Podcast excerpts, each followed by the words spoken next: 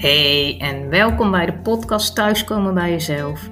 Ik ben Ilona en ik neem je via thema's als identiteit, verlies en geloof mee op mijn innerlijke zoektocht. Voor mij werkt dat het beste buiten, in de natuur. Dus ik nodig je uit om de natuur op te zoeken en je al luisterend te laten inspireren om samen met mij de weg naar je hart te bewandelen en uiteindelijk thuis te komen bij jezelf. Ja, leuk dat je weer, uh, weer luistert. Ik zit nu nog even heerlijk in het zonnetje deze aflevering op te nemen. Sinds kort hebben we een bankje waardoor ik uh, lekker bij de tuindeuren kan zitten. Nog snel de eerste zonnestralen mee kan pakken. Mijn man vergelijkt me ook wel eens met zo'n uh, aalscholver. Die kunnen zo mooi met de vleugels wijd open zitten om op te drogen. Nou ja, zo doe ik dat met de zon. Dus uh, ik begrijp ze wel. Mijn gevoel hebben we er erg lang op moeten wachten. En dan ben ik nog wel weg geweest, dus ik mag helemaal niet uh, klagen. Maar ja, het uh, voelde allemaal een beetje donker en grijs en koud aan de laatste dagen eigenlijk, of weken. Ik weet niet, heb jij dat ook?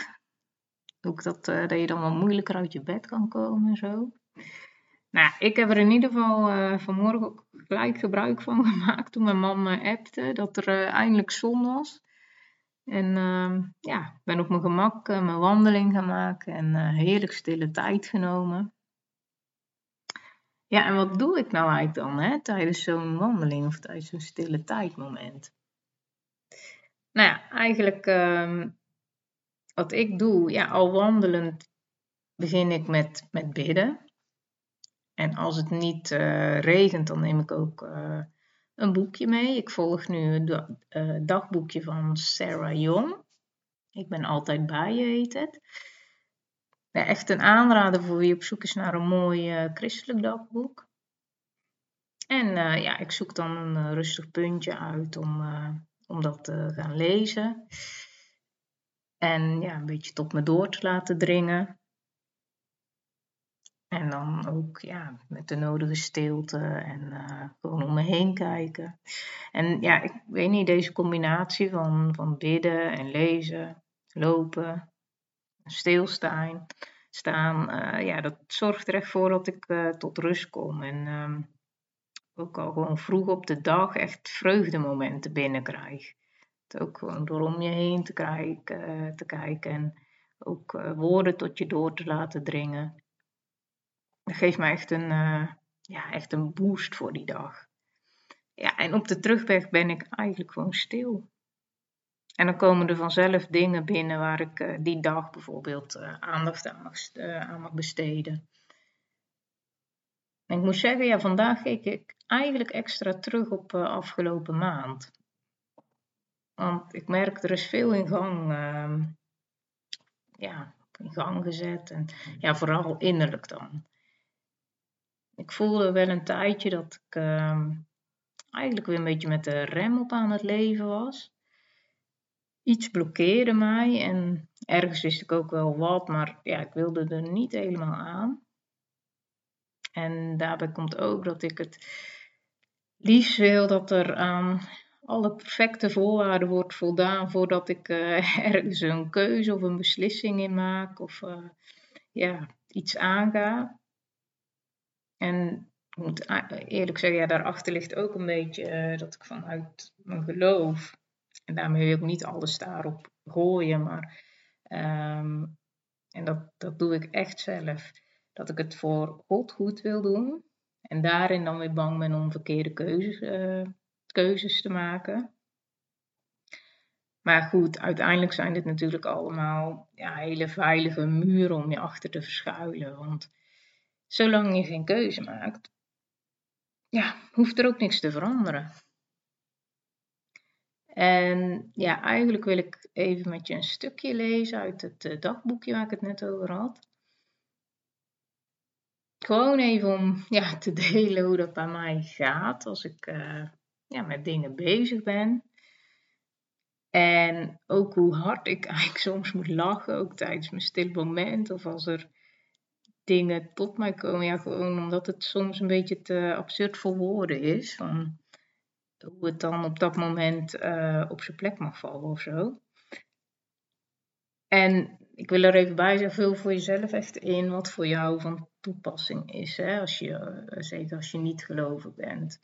Want dan kunnen het uh, misschien wel wat vreemde woorden zijn. Maar ja, de grote lijnen zijn in principe voor iedereen toepasbaar. Even kijken. Voor alles wat er gebeurt is er een uur. Een tijd voor alles wat er is onder de hemel. Wanneer jij mijn aangezicht en mijn wil zoekt, wanneer je op zoek bent naar, naar leiding, zal ik je soms de volgende stap op je weg laten zien, zonder je het exacte moment daarvoor te onthullen. In plaats van op volle kracht vooruit te gaan, zodra je weet in welke richting ik je leid, moet je wachten tot ik je laat zien wanneer ik wil dat je in beweging komt. Er is een tijd voor alles. Dat betekent dat zelfs de gelukkigste periodes in het leven uiteindelijk plaats moeten maken voor iets nieuws. Terwijl sommige van mijn volgelingen met hun hoeven staan te schrapen en niets liever willen dan dat nieuwe grondgebied ontdekken, blijven anderen aarzelen. Zelfs als ik hun duidelijk opdracht gegeven heb om op weg te gaan. Vanuit een comfortabele levensfase overgaan naar een nieuwe situatie kan best eng zijn. Zeker voor iemand die niet van verandering houdt. Toch wil ik dat je genoeg vertrouwen in mij hebt om met mij verbonden te blijven en me te volgen waarheen ik je ook leid, wanneer ik maar wil. Jouw tijden zijn in mijn hand. Ja, ik weet niet hoe het bij jou is, maar ik ben dus echt zo iemand die, uh, die niet van grote veranderingen is. Ik uh, ja, heb het liefst het ja, allemaal een beetje inderdaad comfortabel en uh, bij wat ik ken. Terwijl uiteindelijk, ja, als ik overal op terug, hebben er toch zoveel um, veranderingen in mijn leven plaatsgevonden.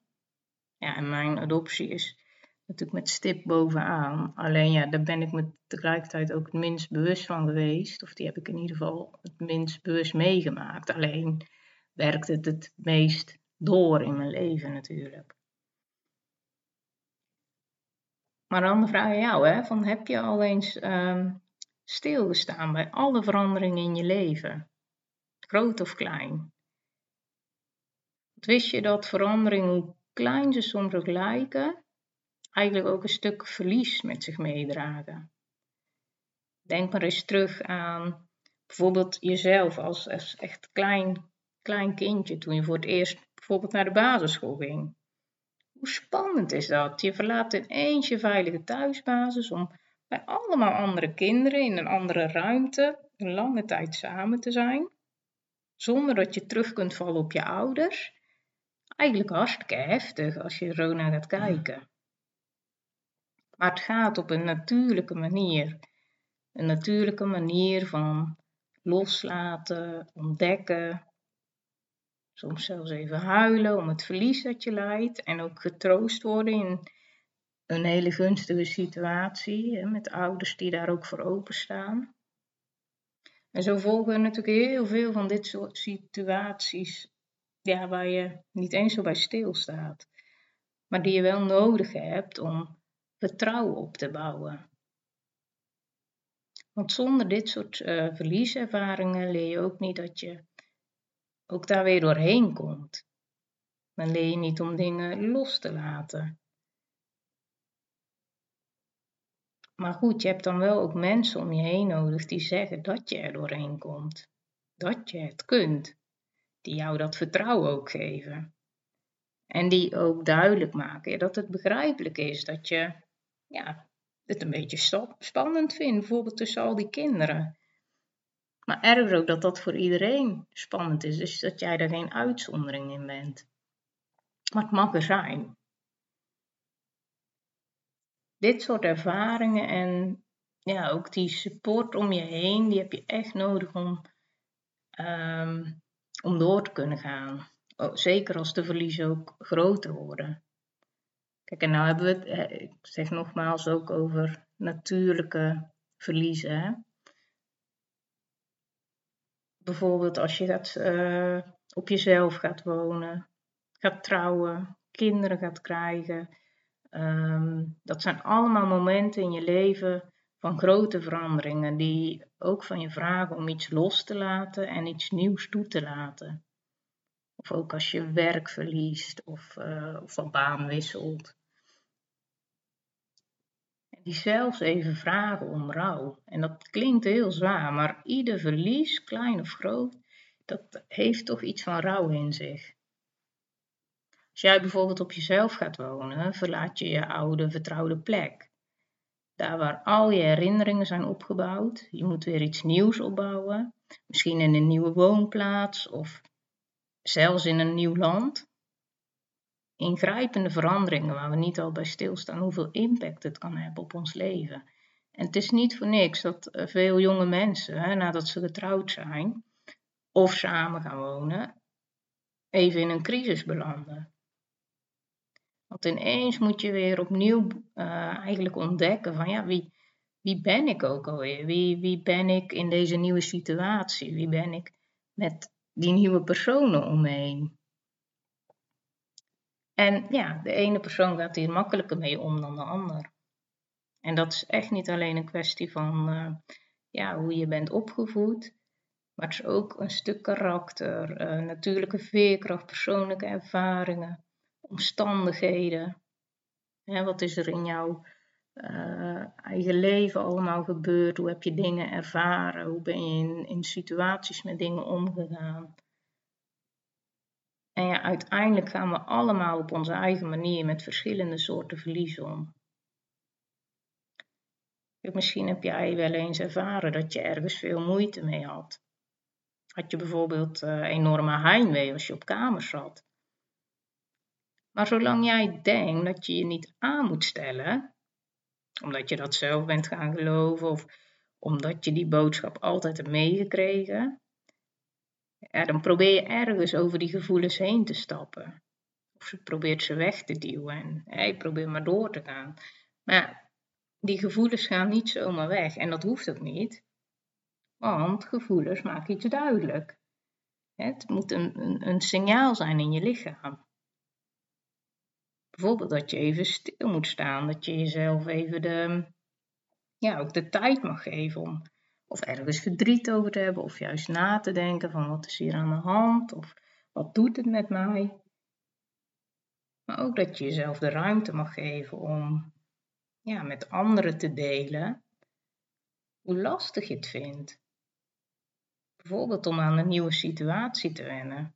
Bijvoorbeeld uh, dat je ineens een kind hebt hoe dat eigenlijk je leven op zijn kop zet.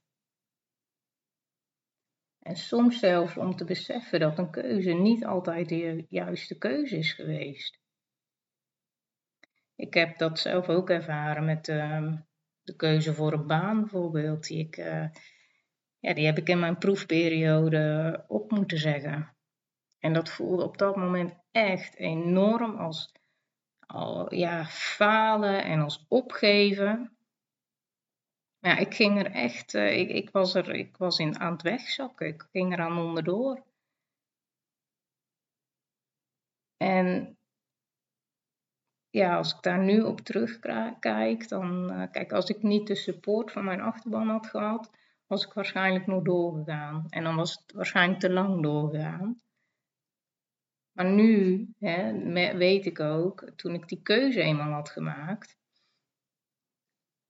en er verdriet over mocht hebben, want dat was ook heel belangrijk. Gewoon verdriet dat het niet was gelukt en uh, ja, dat ik uh, opnieuw moest beginnen. Mocht er ook daarna echt opluchting komen. En ja, ook weer het vertrouwen dat, er, uh, dat ik hier weer doorheen mocht komen. En dat er weer iets, uh, iets nieuws mocht komen. Dat er een nieuw hoofdstuk mag komen. Stilstaan is ja, is echt soms nodig. Stilstaan bij wat er heeft plaatsgevonden, wat je ervaren hebt. Maar stilstaan uh, stand kan ook ontstaan door angst. Of angst kan stilstand veroorzaken. Angst om de verkeerde keuze te maken bijvoorbeeld. En die angst houdt je echt tegen om te leven, om vooruit te gaan, om in beweging te komen. Ja, het is nou eenmaal, helaas krijgen we nooit de garantie dat een keuze de juiste keuze is. En dat is enorm spannend, want je weet niet wat er voor je ligt. En je hebt er geen grip op. Het enige waar jij grip op hebt, is hoe je ermee omgaat of hoe je in een situatie staat, hoe je daarmee omgaat. Ik geef je iets mee om, uh, om over na te denken. Tijdens het wandelen bijvoorbeeld, ik noem maar wat. maar kijk eens terug op je leven en ga eens voor jezelf na hoeveel situaties je hebt gehad waarin je keuzes moest maken. Keuzes waarvan je niet wist wat de uitkomst zou zijn. Of waarin dingen veranderen zonder dat jij er direct grip op had. Hoe ben je daar doorheen gekomen? Of hoe sta je daar misschien nu nog in? En wat kan jou helpen vanuit eerdere ervaringen die je hebt opgedaan? Het is echt belangrijk om bij deze vraag stil te staan, want zonder dat je er erg in hebt, kunnen op het eerste gezicht kleine situaties effect hebben op hoe jij nu in het leven staat of hoe jij nu nog in situaties reageert. Luister ook eens, ehm, ja, mocht je dat nog niet gedaan hebben, de vorige aflevering terug. Dan uh, vertel ik ook dat je, van, dat je nu nog kunt reageren vanuit de behoefte die uh, bijvoorbeeld vroeger is ontstaan.